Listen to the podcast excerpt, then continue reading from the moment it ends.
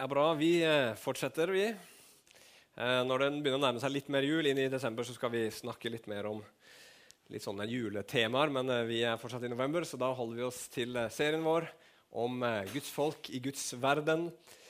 Følge Jesus gjennom andre Mosebok.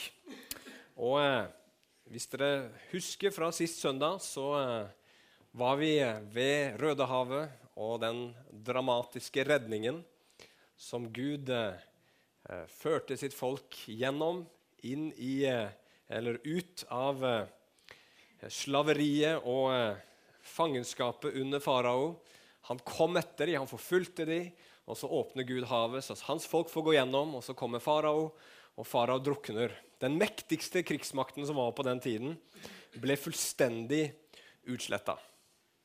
Og Der sto folket nå på andre siden av Rødehavet, og nå visste de at uh, de var fullstendig fri. Farao kunne aldri mer komme igjen og plage dem. De var satt fri for evig og alltid. Gud hadde gjort det. Trusselen om død og slaveri den var utsletta. Så hva gjør du da? Hva gjør du når du har sett noe så storslått, noe så fantastisk som Gud gjorde da, noe de ikke i sin villeste fantasi kunne forestille seg, og i tillegg får erfare sann frihet og frelse? Jo, det skal vi se på i dag, og da kan dere gå til 2. Mosebok, kapittel 15, og så skal vi lese fra vers 1. 2. Mosebok 15, vers 1 og utover. Der står det Da sang Moses og Israels barn denne sangen for Herren. De brukte disse ordene. Jeg vil synge for Herren, for han er høyt opphøyd. Hest og kriger har han styrtet i havet. Herren er min styrke og lovsang. Han er blitt til frelse for meg. Han er min Gud, og jeg vil prise ham. Min fars Gud, og jeg vil opphøye ham. Herren er en stridsmann, Herren er hans navn. Faraos vogner og hans hær har han kastet i havet. Hans ypperste befalingsmenn sank i Rødehavet. De store dypene dekket over dem. De gikk til bunns som en stein. Din høyre hånd, Herre, har vist seg herlig i kraft. Din høyre hånd, Herre, har knust fienden. I din store majestet har du støtt ned dem som reiste seg mot deg. Du sendte din brennende vrede ut, den fortærte dem som halmstrå. Med et åndepust fra din nese ble vannene demmet opp. Vannstrømmene sto opp som en vold. Dypene stivnet til midt i havet. Fienden sa, 'Jeg vil forfølge, jeg vil innhente dem, jeg vil dele byttet.' 'Min sjel skal mettes ved å innta dem.' 'Jeg drar sverdet, min hånd skal ødelegge dem.' Du blåste med din ånde. Havet dekket dem. De sank som bly i de mektige vann. Hvem er som du blant gudene, Herre? Hvem er som du, herlig i hellighet, fryktinngytende gjerde, du som gjør under? Du rakte ut din høyre hånd, jorden slukte dem. I din barmhjertighet leder du dem, det folket du har forløst. Du fører dem med din styrke til din hellige bolig. Folkene hører og skjelver. Angsten griper dem som bor i filisterland. Da blir høvdingene i Edom slått av skrekk. Moavs mektige menn prøver skjelvende å gripe dem. Alle som bor i Kanaan, svinner bort. Frykt og gru rammer dem. Ved din store arm blir de lammet som steinen. Til ditt folk er kommet over, Herre. Til folket har kommet over det folket du har vunnet deg. Du fører dem inn og planter dem på berget, som er din arv. Stedet du har gjort til din egen bolig, Herre. Helligdommen, Herre, som dine hender har grunnlagt. Herren er konge i all evighet. For hestene til farao for ut i havet sammen med vognene og krigerne på vognene hans, og Herren førte vannet i havet tilbake over dem. Men Israels barn gikk over på tørr grunn, midt i havet. Da tok profetinnen Miriam, Arons søster, en tamburin i hånden. Alle kvinnene gikk ut etter henne med tamburiner, og de danset. Miriam svarte dem, Syng for Herren, for han er høyt opphøyd. Hest og kriger har han styrtet i havet. Amen. Kjære himmelske Far, vi bare priser deg i dag, Herre, fordi vi kan komme og høre ditt ord. Ditt ord som er liv. Ditt ord som er utgått fra din egen munn, Herre. Ditt ord som er fullt av kraft. Ditt ord som skaper. Ditt ord som forandrer. Ditt ord som gir lys og håp og mening og forståelse, Herre. Ditt ord som åpner øynene på de som er blinde, Herre. Ditt ord, Herre, som gir forstand til de uforstandige. Ditt ord, Herre, som eh, gir kraft til de kraftløse og svake. Herre, bare hjelp oss i dag til å ta imot ditt ord. Herre, jeg trenger deg spesielt i dag til å forkynne ordet ditt, Gud. Hjelp meg å si dette klart, hjelp meg å si det tydelig. Hjelp meg å si det på en måte som vekker våre hjerter til lovprisning og til å forstå hvem du er. I Jesu navn. Amen. Hva gjorde Guds folk rett etter at de hadde blitt satt fri fra egypterne? Jo, de sang. Og som dere ser, I dag så er tittelen på talen 'Takk og pris'.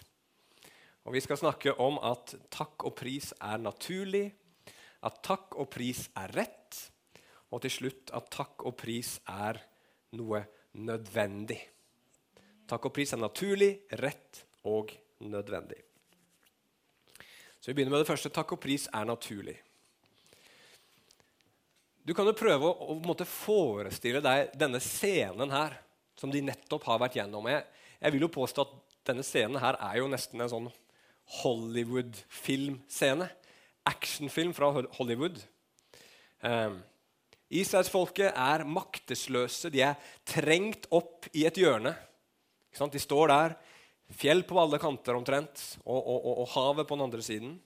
Og så kommer farao hans hær, den største, mest avanserte krigsmakten som fantes på den tiden.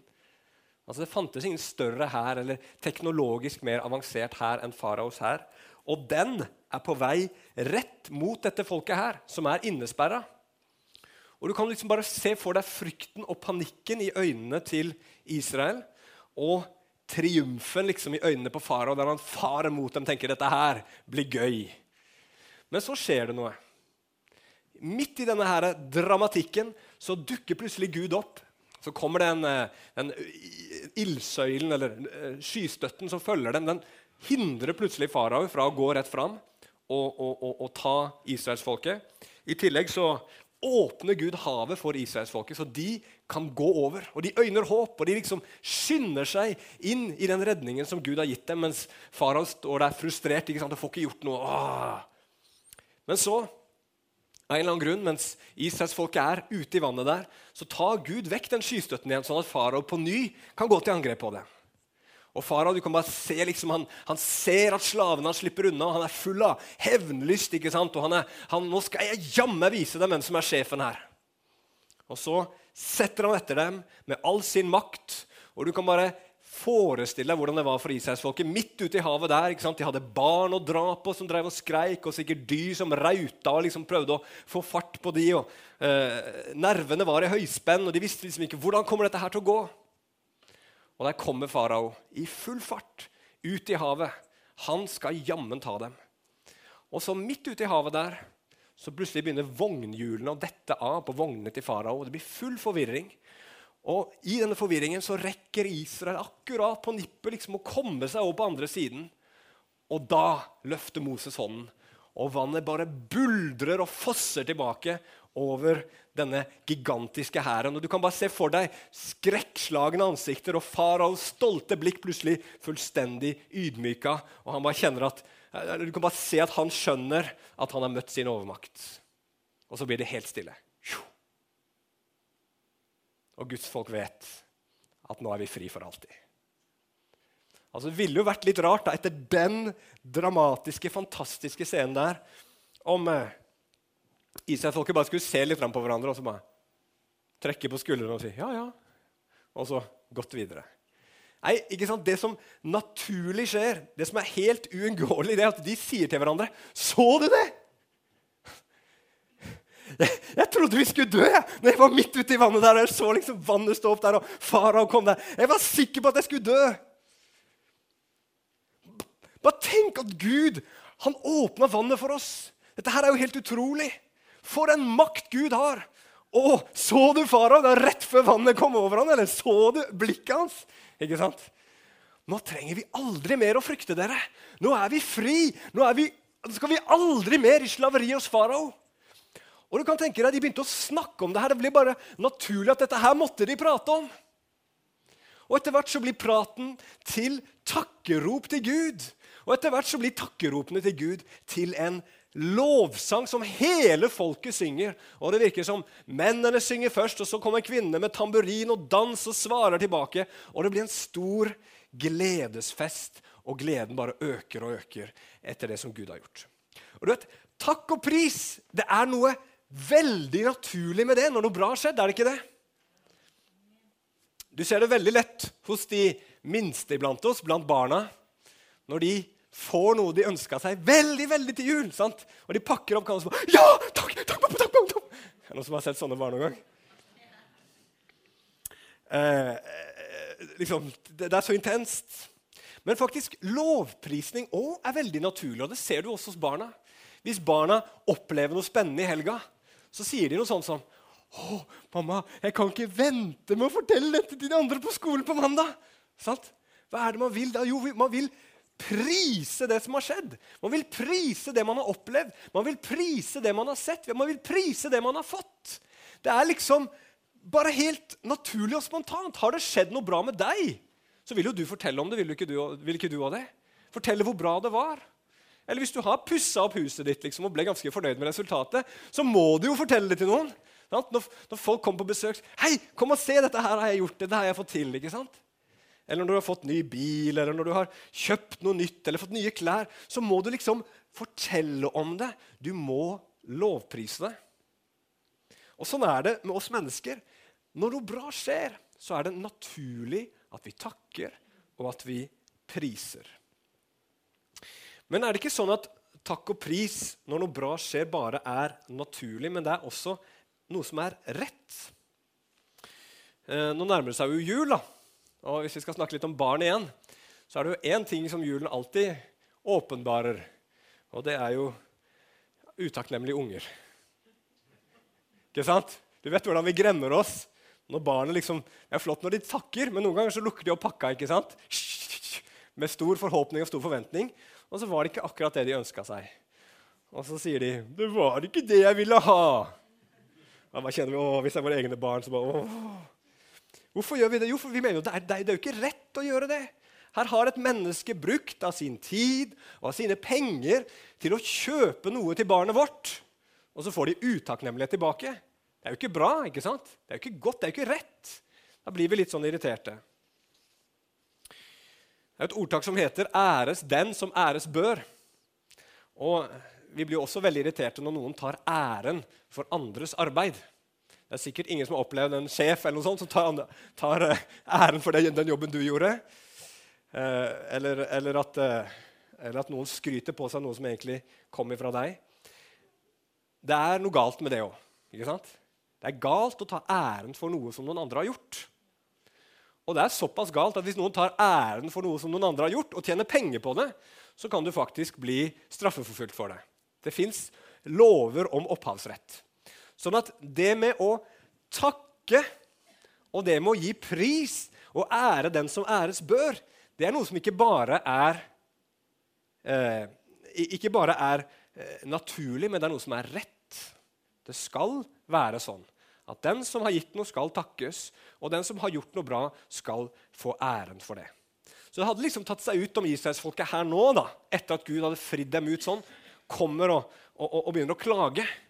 Altså, Gud, kunne du ikke åpna denne sjøen på en plass hvor det ikke var så langt fra den ene enden til den andre? og kjempelangt å gå. Altså, Hadde det tatt seg ut? Nei, den, sånn type utakknemlighet, den, den, den, hadde vært, den hadde ikke vært fin. Eller om de på en måte skrøt av seg sjøl og sa Yes, dette var det vi som gjorde! Yeah, vi, er liksom, vi er det store laget! Vi fiksa dette her! Vi tok, uh, tok uh, farao. Det ville også blitt galt. ikke sant? Det var Gud som gjorde det.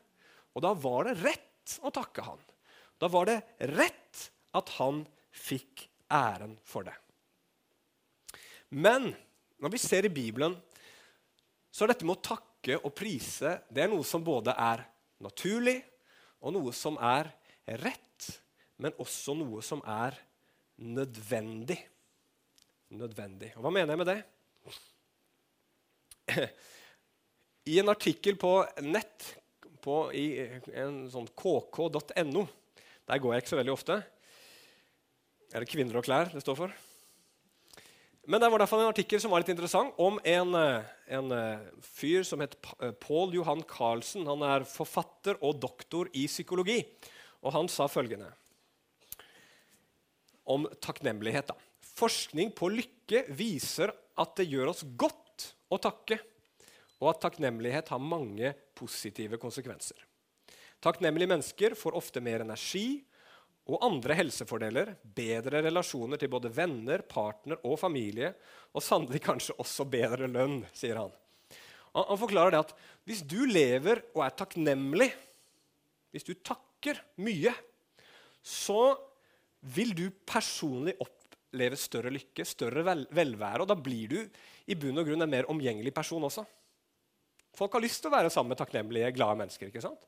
Og Dermed så får du jo flere venner, og de vennene de får jo deg til å føle deg enda bedre. ikke sant? For du har mange gode, meningsfylte relasjoner, og dermed så blir du enda lykkeligere av det. Så denne Psykologen sier at takknemlighet er en av de aller viktigste faktorene for at du som menneske skal ha det bra i livet ditt og være lykkelig. Eh, og jeg tror på mange måter at vi kan si at det er litt sånn med lovprisning også. Altså, Når det skjer noe bra og noe positivt i livet ditt, det at du faktisk kan dele det med noen andre, gjør det gode og positive enda bedre. gjør det ikke det? Tenk hvis det har skjedd noe skikkelig bra med deg, og du ikke har noen du kan fortelle det til. Du blir lei deg nesten. Den, den, gleden du opplevde, den ble forminska av at ikke du ikke kunne få lovpris det gode som hadde skjedd med deg. Så man kan si at takknemlighet og det å, å, å liksom sette pris på ting, det er noe som gir oss et bedre liv. Det er noe som trengs, noe som er nødvendig for at vi mennesker skal ha det godt. Og Da kunne jeg kanskje avslutta prekenen her og sagt ja, så la oss gå hjem nå være takknemlige og, og, og huske på å liksom, sette pris på ting. Men problemet med det er jo at det er jo ikke alltid så veldig lett. Er det det? Vi lever jo i verdens rikeste land, sier de. I hvert fall ett av de.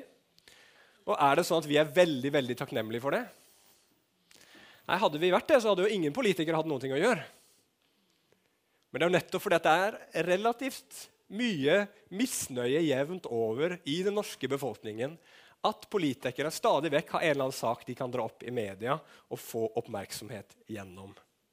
Og så er det jo også sånn at Vi opplever alle sammen gode, positive ting i livene våre. gjør vi ikke det?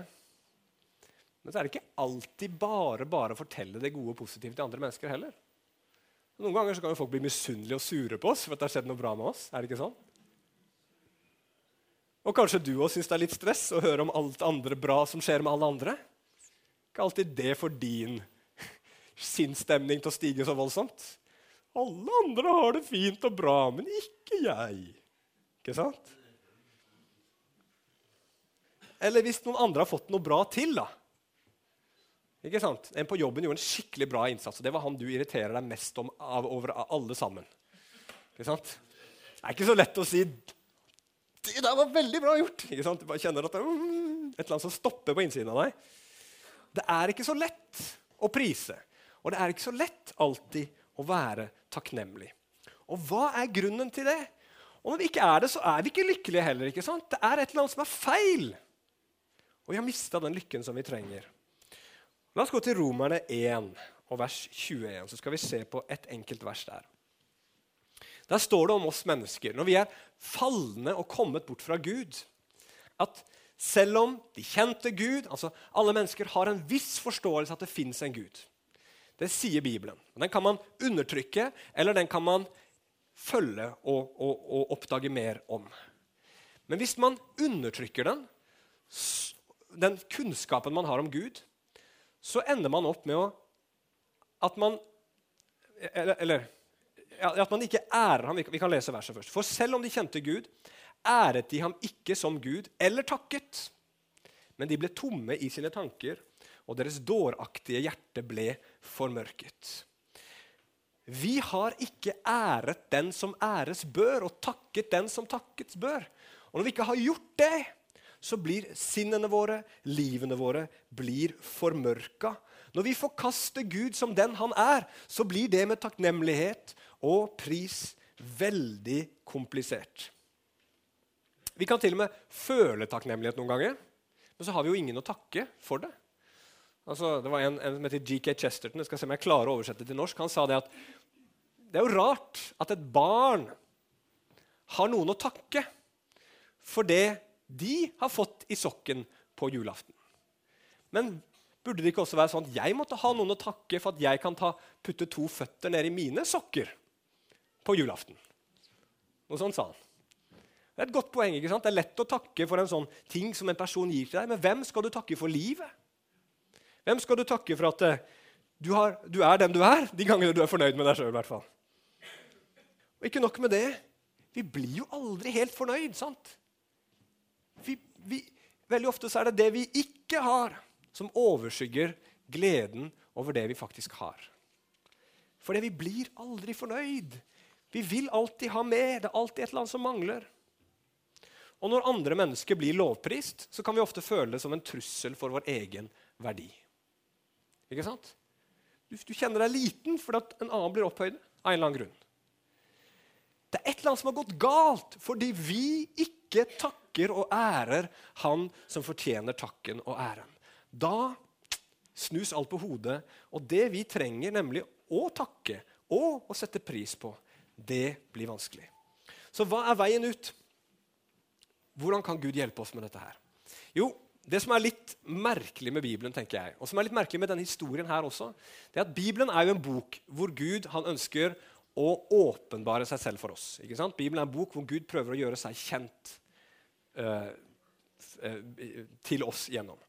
Og det er jo greit når du leser i, i begynnelsen av Bibelen. Du ser masse ord som Gud sier, du ser masse handlinger Gud gjør.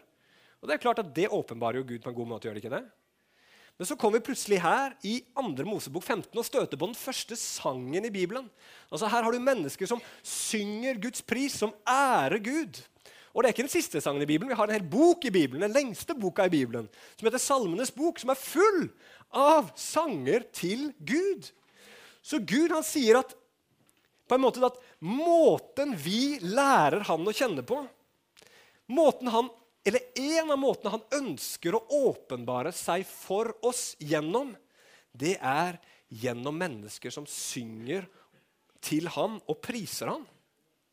Hva betyr det? Jo, jeg tror det betyr at Gud vil fortelle oss at vi lærer Han å kjenne gjennom takk og lovprisning. Du lærer Gud virkelig å kjenne gjennom å takke og lovprise ham. La oss gå til et litt spesielt vers i 1. Johannes kapittel 1, vers 1-4. Dette her er eh, noen ord som Johannes skriver helt i begynnelsen av dette brevet. her.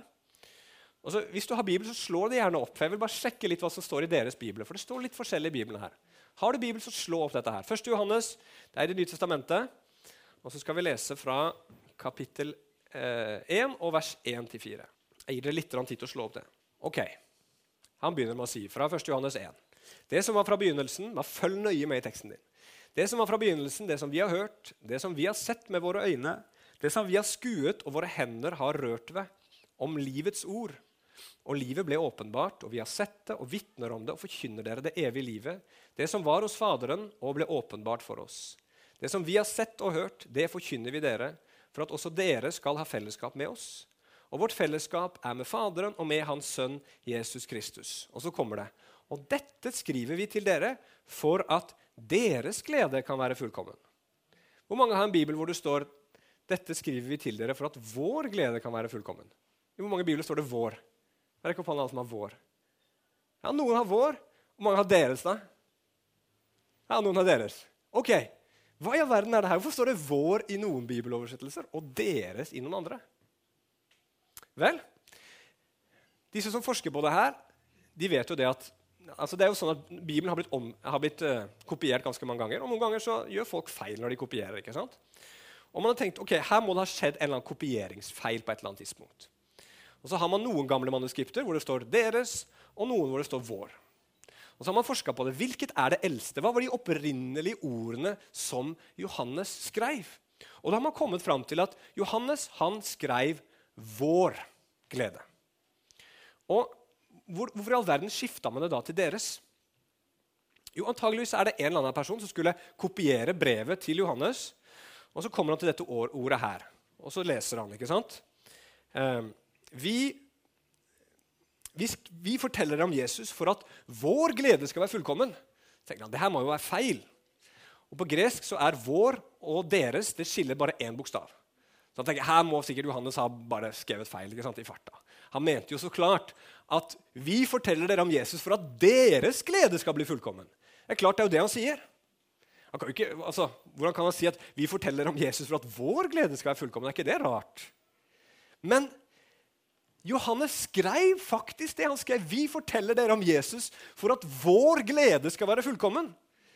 Hvorfor det? Jo, det Johannes hadde sett, og som kanskje de som da skulle kopiere dette her etterpå, ikke helt forsto, det er at når du forteller om Jesus til andre, altså når du priser Jesus, da blir din glede over Jesus enda mer fullkommen. Da lærer du Jesus enda mer å kjenne. Da blir du enda mer begeistra for Jesus. Med andre ord, det å prise Gud, det gjør at Gud blir større for deg. Og når Gud blir større for deg, så blir du mer glad over Gud. Og C.S. Lewis han er en kjent kristen forfatter som kanskje noen av dere har hørt om. Han, når han ble kristen, så syntes han det var så rart at Gud hele tiden i Bibelen sa 'pris meg, pris meg, pris meg'. pris meg. Hva slags Gud er det der? Så som hele, hele, tiden vil han at vi skal liksom prise han. Er ikke det fryktelig egosentrisk? Så han tenkte på dette her, og dette var et stort problem for han, inntil han plutselig innså noe. For Hvorfor lovprise mennesker ting? Og Vi har vært inne på det allerede. Hvorfor må vi alltid fortelle om en ferie eller en god bok eller en sterk opplevelse? Jo, nettopp, som vi har vært inne på, fordi at det gjør opplevelsen så mye rikere. Det er så mye kjekkere når du kan fortelle det til noen andre. Det du opplevde, det er så mye bedre nettopp fordi at du kunne fortelle det til noen andre. Og når Gud da gir oss det aller beste vi kan få, og hva er det? Jo, han selv. Så vil jo han at vi virkelig skal kjenne han, og at vi virkelig skal erfare hans storhet. At vi virkelig skal forstå hva det er vi har fått. Og Derfor sier han til oss, dere må prise meg. For når vi priser han, da kan vi erfare Gud på den mest fullstendige og rike måten. Henger dere med på den tanken? Vi må prise Gud for å virkelig kjenne han. Israelsfolket de det var nødvendig, de, det var rett og det var naturlig, men det var også noe i det som skjedde der ved Rødehavet, som gjorde at det Gud hadde gjort, ble enda større for dem. Når de sang om det, når de priste Gud for det, når de minna hverandre på det på den måten, så ble det bare så stort, det ble så mektig. Det ble til sang, det ble til dans, det ble til jubel. Det ble så rikt for dem at de klarte ikke å holde munn. De var glade når de hadde kommet over på den andre siden, og vannet hadde lukka seg. Men de smilte og jubla og dansa etter at de hadde sunget om det. Ser dere forskjellen? Hvorfor døde Jesus? Jo, Jesus han døde jo så klart for å ta bort våre synder. Sånn at vi som var fortapt, kunne komme til Gud. Men det fins enda mer. Jesus døde også for at vi kunne prise Gud mer. Jesus ga sitt liv for at vi kunne få enda en grunn til å prise Gud, sånn at vi kunne kjenne Gud enda bedre. I Bibelen så hadde folk prist Gud før Rødehavet også. Men dette er den første sangen som vi leser i Bibelen. For nå hadde Gud åpenbart seg på en måte som han aldri før hadde åpenbart seg i Bibelen.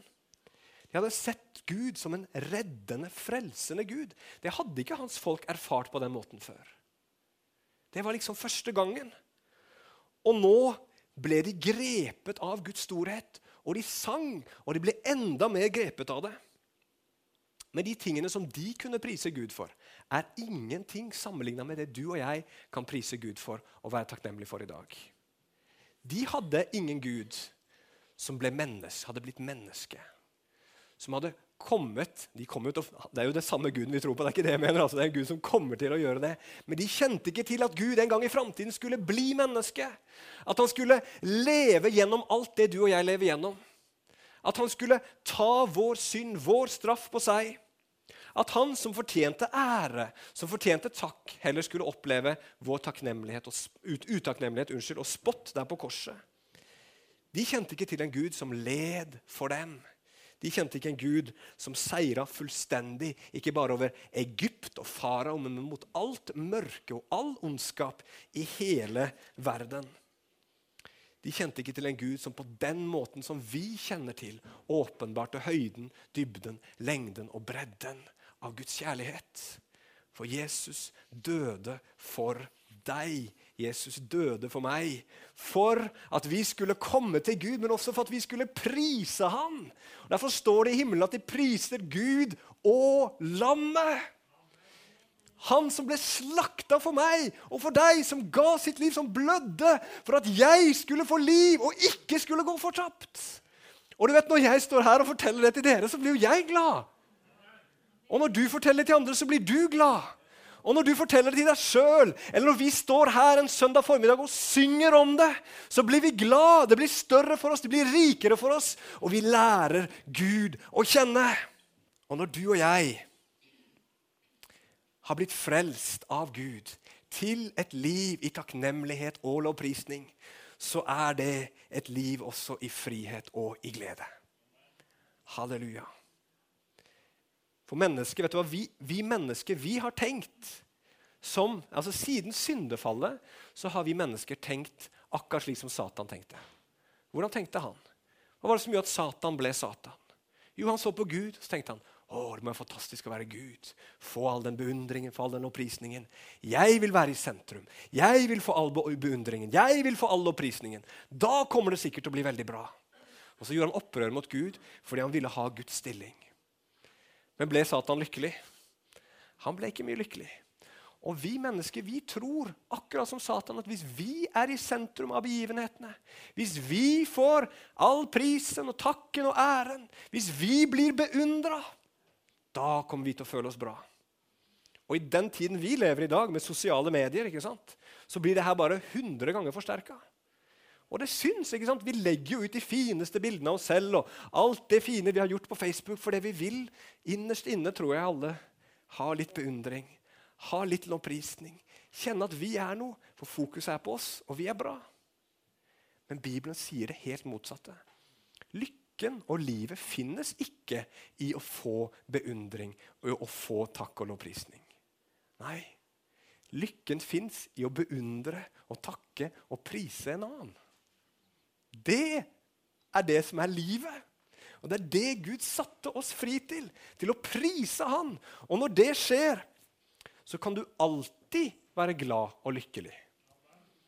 Selv når andre lykkes bedre enn deg. For Du vet at du blir jo ikke lykkelig om alle sier at du lykkes så bra. Det er ikke det som gjør ditt liv og din glede og din lykke. Din glede og din lykke er å se på Gud. Eller du kan være fri til å si deg enig i at noen andre gjorde noe bra som du kanskje ikke har det beste forholdet til. For hva gjør det? Det er jo flott. Du kan jo oppmuntre en person. Du vet jo at som, Alt kommer fra Gud. Det er jo han du takker og priser når du priser et annet menneske for det gode de har gjort. Det er frihet. Frihet ifølge Bibelen er å få blikket bort fra seg sjøl. Ikke sitte hele tiden og være opptatt av seg selv. Om du, om, og Vi blir så lett opptatt av oss selv. Enten så vil vi ha alle den her, ja, vi vil alltid ha oppmerksomhet. Og det, det, ser vi med menneskene som skryter. ikke sant? Lett å tenke at disse menneskene her, de vil veldig gjerne ha oppmerksomhet. ikke sant? De vil at vi skal prise dem. og Det er et oppmerksomhetsbehov som, arter seg, eller som utarter seg der. da. Men mange av oss kan være litt sånn som jeg var når jeg var liten. Eh, kanskje jeg er litt sånn fortsatt, og jeg vet ikke. Men jeg husker jeg var utrolig dårlig i forming, det som heter kunst og håndverk i dag. Forming det var utrolig dårlig. Så når liksom alle sydde, lagde fine luer, så lagde jeg sånn ikke så veldig fine luer. Når andre sydde fine ting, så var ikke mitt så fint. ikke sant? Så jeg følte meg litt sånn dum i forhold til resten av klassen, som var så gode til å strikke og sy. og alt mulig sånn. Så min taktikk det var følgende. Jeg tok liksom min ting, og så sa jeg Oi, se på den, da. Den er veldig stygg, sa jeg. Så kom liksom alle jentene i klassen bort, og så sa de Nei, Magnus, den er ikke stygg, den er så fin, sa Og da fikk jeg også mitt oppmerksomhetsbehov fylt. ikke sant? Men det er, ikke, det er ikke det som gjør deg lykkelig. Det som gjør deg lykkelig, det er å se hvor stor Gud er, og prise Han for det. La oss bare si litt praktisk om det til slutt. Hvordan priser man Gud? Vel, vi sa her at takk og pris er naturlig. Det betyr ikke at du alltid føler for det. Når du kommer her en søndag formiddag og liksom vi sier nå skal vi reise oss og prise Gud, så kan det være mange ting inni deg som sier Åh, ikke den sangen, liksom. Å, ikke i dag. Jeg orker ikke det her. Ikke sant? Det er sikkert ingen som har kjent det her inne. Men jeg har blitt fortalt at Johan har opplevd det et par ganger. Men du kan, ikke, du kan ikke prise Gud bare når du føler for det. Kan du det? Og så er det jo heller ikke sånn at selv om takk og pris er godt for deg, så kan du liksom ikke komme og, tenke nå skal jeg lovprise Gud for at jeg skal, jeg skal føle godt. Hvordan blir det? Det blir ganske krampaktig. skal jeg si deg. Da står du der liksom prøver å føle noe hele tiden. Og så ble det en skikkelig dårlig liksom, lovprisningsstund, for du følte ingenting. Og så går du frustrert ut, og så Åh, er det galt med lovsang på Betel? Jeg følte ingenting, liksom. Magnus han sitter og spiller piano, så kjenner jeg ingenting. eller et eller annet, og legger du skylda på noen andre. Vi kommer ikke til Gud. Det er godt å prise Gud, men vi kommer ikke til Gud for å prise han for at vi skal få noe ut av det. Det blir også feil. Du må, og jeg må alltid ha den motivasjonen at det å prise Gud, det gjør vi fordi det er rett. Han fortjener det. Han har gitt oss livet. Han har frelst oss. Alt det vi har, det skylder vi han. Og så gir vi ham pris for det. Om dagen er god eller dagen er dårlig, om du kjenner en voldsom inspirasjon eller om du ikke kjenner noen ting som helst, så gjør du det fordi det er rett. Og det er ikke alltid jeg når jeg lovpriser Gud, at jeg liksom kjenner at jeg får gåsehud på ryggen og liksom nakkehårene reiser seg og uh, jeg bare føler jeg er i himmelen. Det er ikke alltid sånn. Noen ganger så bare gjør vi det, og så var det det. Vi priste Gud i dag. Vi gjorde i hvert fall det vi skulle. Mens andre ganger så opplever du at Gud blir større. Du kjenner begeistringen vokser, du kjenner at Gud blir stor. Du kjenner at 'Å, Gud, du er jo så bra!' Og så blir du minna på noe du kanskje har glemt. Hvor god og fantastisk Gud er. For Det er jo litt av utfordringa vår. ikke sant? At vi så lett glemmer hvor god Gud er. Vi glemmer at vi er lykkelige når vi priser Gud. Vi glemmer at vi føler at vi er fri når det er Han som er i fokus og sentrum av livene våre. Vi glemmer det så utrolig lett. Derfor er det så viktig at vi priser Gud. Og vi gjør det sammen. og Det er jo veldig fint med å være i en menighet. At vi gjør dette sammen. Det er ikke så lett alltid å gjøre det hjemme på egen hånd, men i fellesskapet kan vi hjelpe hverandre. Og så er det viktig også når vi priser Gud, at vi gjør det ut ifra den boka her. Og den sangen vi priste i dag, eh, leste i dag, mener jeg Vi priste, vi priste ikke Gud, men Israelsfolket priste Gud for den i dag. Som vi leste fra andre Mosebok, kapittel 15 det var kanskje en lovsang som vi ikke hadde eh, sunget så veldig ofte i våre dager. For Her står det om Gud som en krigsmann, f.eks. Gud, du er en kriger, liksom. Hvor mange lovsanger har vi som, hvor vi synger om Gud som kriger? Han er en kriger. Han kjemper ikke mot mennesker. Han kjemper mot ondskapen, han kjemper mot uh, djevelen, han kjemper mot alt onde. Og Gud er en mektig stridsmann.